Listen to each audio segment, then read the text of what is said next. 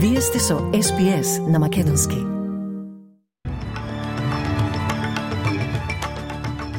Во билтенот вести, гласачите му испраќаат порака на председателот на САД Џо Бајден на прелиминарните избори во Мишиган поради неговата подршка за Израел.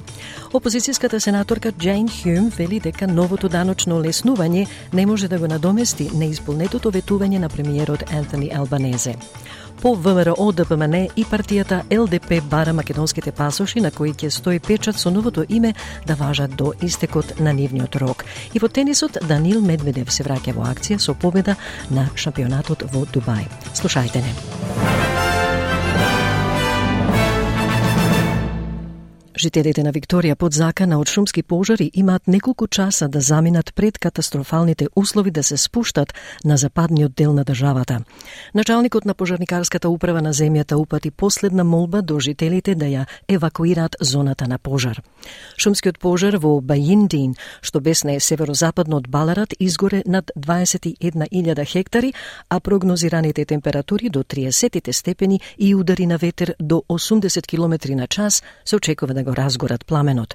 Опасноста ќе се зголеми денеска попладне и властите предупредуваат дека пожарот може да ги зафати заедниците на Beaufort, Elmhurst, Amphitheatre, Lexton, Learmonth и Clunes.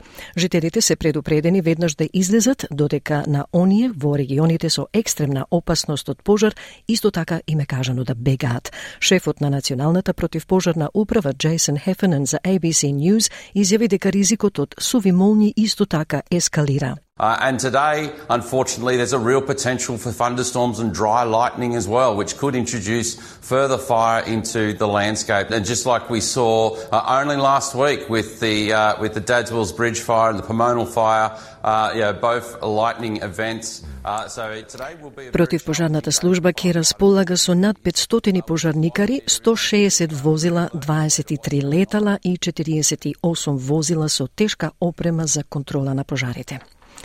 Во Соединетите Американски држави избирачките места се отворени на прелиминарните избори во Мишиган, каде демократските гласачи се надеваат дека ќе дадат протестен глас против председателот Џо Бајден за да ја покажат својата осуда за неговата поддршка за Израел. Додека бесне израелското бомбардирање на Газа, при што досега загинале близу 30.000 палестинци, голем број од 300.000 арапско-американски и муслимански жители на Мишиган му сигнализираат на Бајден дека нема да ја има нивната поддршка на изборите во ноември, доколку не престане финансирањето и поддршката на Израел. Кампањата за гласање Uncommitted на нивните гласачки ливчиња одекна низ заедниците, а особено кај младите гласачи релевантна бидејќи Мишиган имаше најголем одзив на национално ниво на млади гласачи на возраст од 18 до 29 години на среднорочните избори во 2022 година. Влогот е голем бидејќи председателот Бајден ја освои државата со помалку од 155.000 гласови во 2020 година. Еден жител, Ерик Сутер Бол, вели дека се надева дека господинот Бајден We're trying to send a message to Biden that we the voters that in Michigan that are, you know, supposed to elect him in November, we really want him to stop supporting the ongoing hostilities in Gaza. Uh, it's uh, voting uncommitted is a great tool we have here in Michigan. 29.878 лица според Министерството за здравство на Газа и илјадници се предпоставува дека се затрупани под урнатините. Ова следи по нападот предводен од Хамас врз Израел во кој милитантите убиле речиси 1200 луѓе и земале 253 луѓе како заложници. Жени и деца се убиени по израелски воздушен напад врз зграда во Рафах во јужниот дел на Газа. Локалните жители велат дека зградата била полна со најмалку 100 раселени лица.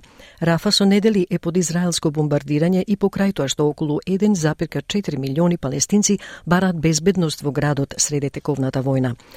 Јесер Ајфифи живее во близина на целната зграда. Suddenly and without warning, the strike happened. The building was full of displaced people. Almost more than 50 displaced people were in the building. More than 20 children were in it.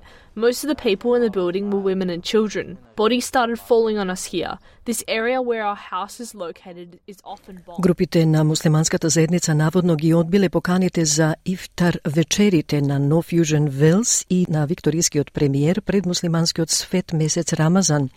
Guardian Australia известува дека Австралискиот национален совет на имами АНЕК и Исламскиот совет на Викторија ICV рекоа дека нема да присуствуваат во знак на протест против одговорот на државните влади на израелската војна во појасот Газа. Организациите сметат дека владите не ги послушале гласовите на муслиманско-австралиската заедница, бидејќи таа повика на поголема акција за да се спречат ужасите во Газа. Председателот на ICV The Guardian Australia изјави дека од почит кон страдањата на палестинците едноставно не би било соодветно да се одржи таков настан. Опозицијската сенаторка Джейн Хјум вели дека австралиците кои се борат со трошоците за живот ќе го ценат новото даночно леснување на владата, но дека тоа не е доволно за да се надомести неисполнетото изборно ветување на премиерот Антони Албанезе. Изменетиот даночен пакет на лабористите во третата фаза помина во Сенатот откако го усвои Долниот дом предходно овој месец.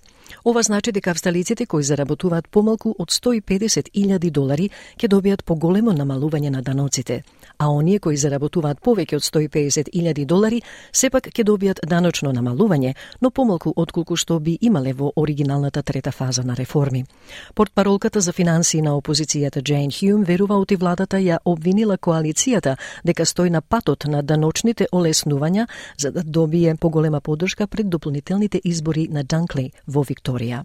Well, I think the people of Dunkley would be grateful for anything that is in their pockets right now because, quite frankly, they've seen their disposable income going backwards in the last 18 months. That doesn't necessarily mean that there is support for the lie that the Prime Minister and the Treasurer told more than 100 times since the election. And uh, you know, while I know that Australians who are doing it tough right now will appreciate whatever money can go into their pocket, as little as it is, potentially only $15 a week, is that really enough to buy the Prime Minister's integrity back? I don't think so.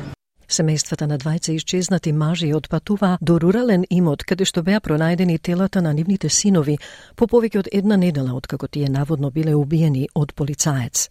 Наводниот убиец, 28 годишниот виш полицаец Бо Ламара Кондон, и дал на полицијата информации кои помогнале да ги лоцираат исчезнатите мажи. Инспекторите поставија место на злосторство на вториот имот во Бангонија, откако поминаа денови во пребарување низ брани и ливади на друго место во областа надвор од Голбен, околу 200 км југозападно од Сиднеј. Помошникот комесар Майкл Фицджералд ја пофали работата на одредот за убиства. Sadly, as a, uh, as a society, have these type of incidents, domestic violence that occur in our our world, and we have to deal with them, and, and, and it has hurt us because uh, it was one of our own officers who was involved in this. So, on behalf of myself and the Commissioner, I want to thank uh, these homicide detectives. Измените за законот за македонските патни исправи, што ќе се најде денеска пред пратениците, нема да го реши хаосот со пасошите, вели техничкиот председател на Собранието Јован Митревски. Иако конкретно не одговори дали парламентарното мнозинство, од чии редови е и тој, ќе даде поддршка за да се продолжи важноста на пасошите со старото име, рече дека тоа се коси со сите меѓународни договори. По барањето на ВМРО ДПМН, за кое ќе се расправа на седница, и ЛДП бара измени на законското решение, поитна постапка, а тоа е патните исправи да важат до истекот на нивниот рок, но само ако во нив го има печатот со новото име. Официјално влез со документи со старото уставно име во пасошот дозволуваат Србија, Албанија, Косово, Швајцарија и Полска. Синоќа Министерството за транспорт и врски соопшти дека владата донела одлука за приоритетно издавање патни документи за сите професионални возачи. Главниот извршен директор на една од најуспешните светски компании за луксузни автомобили Mercedes-Benz се изјасни против расизмот поради повеќе неделните протести во Германија. Германија беше сведок на наплив на протести против екстремната десница како одговор на извештајот во кој беше обелоденет состанок минатата година на кој крајно десничарските екстремисти разговара за депортација на милиони имигранти. Заземајќи политички став против ксенофобичниот наратив на екстремната десница, главниот извршен директор на Мерцедес, Ола Каелиниус, им кажа на лидерите во индустријата дека водечкиот модел од класата S на производителот на автомобили немаше да постои без работниците мигранти. There are close to 115,000 people working for us in Germany alone from 121 countries. Мерцедес стана статусен символ за многу успешни мигранти печалбари, вклучително и во Хрватска, каде во моментов се гради камениот споменик на Мерцедес Бенз Миника. И во тенисот, еден месец по поразот во финалето на Australian Open, Данил Медведев се врати на теренот на победнички начин на шампионатот во Дубај, победувајќи го Александар Шевченко со 6-3, 7-5. Заостанувајќи со 5 спрема 3 во вториот сет, Медведев освои 4 последователни игри за да ја постигне победата и да се соочи со Лорензо Сонего во второто коло.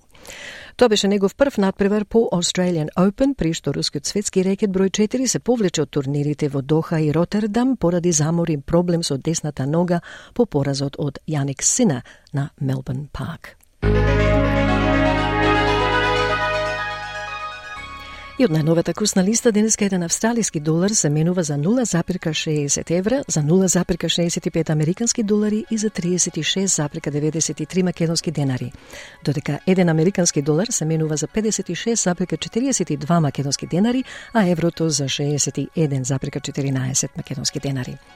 И времето за утре за Перт претежно сончево 33, Аделајд делумно облачно 27, за Мелбурн облачно 25, во Хобарт претежно облачно 25, а во Камбера претежно сончево 34 степени. Сиднеј претежно сончево со заладување во попладневните часови 34, Брисбен претежно сончево 31, Дарвин врнежливо со услови за можна бура до 32 и во Алис Спрингс повремени врнежи од дожд со услови за можна бура 35.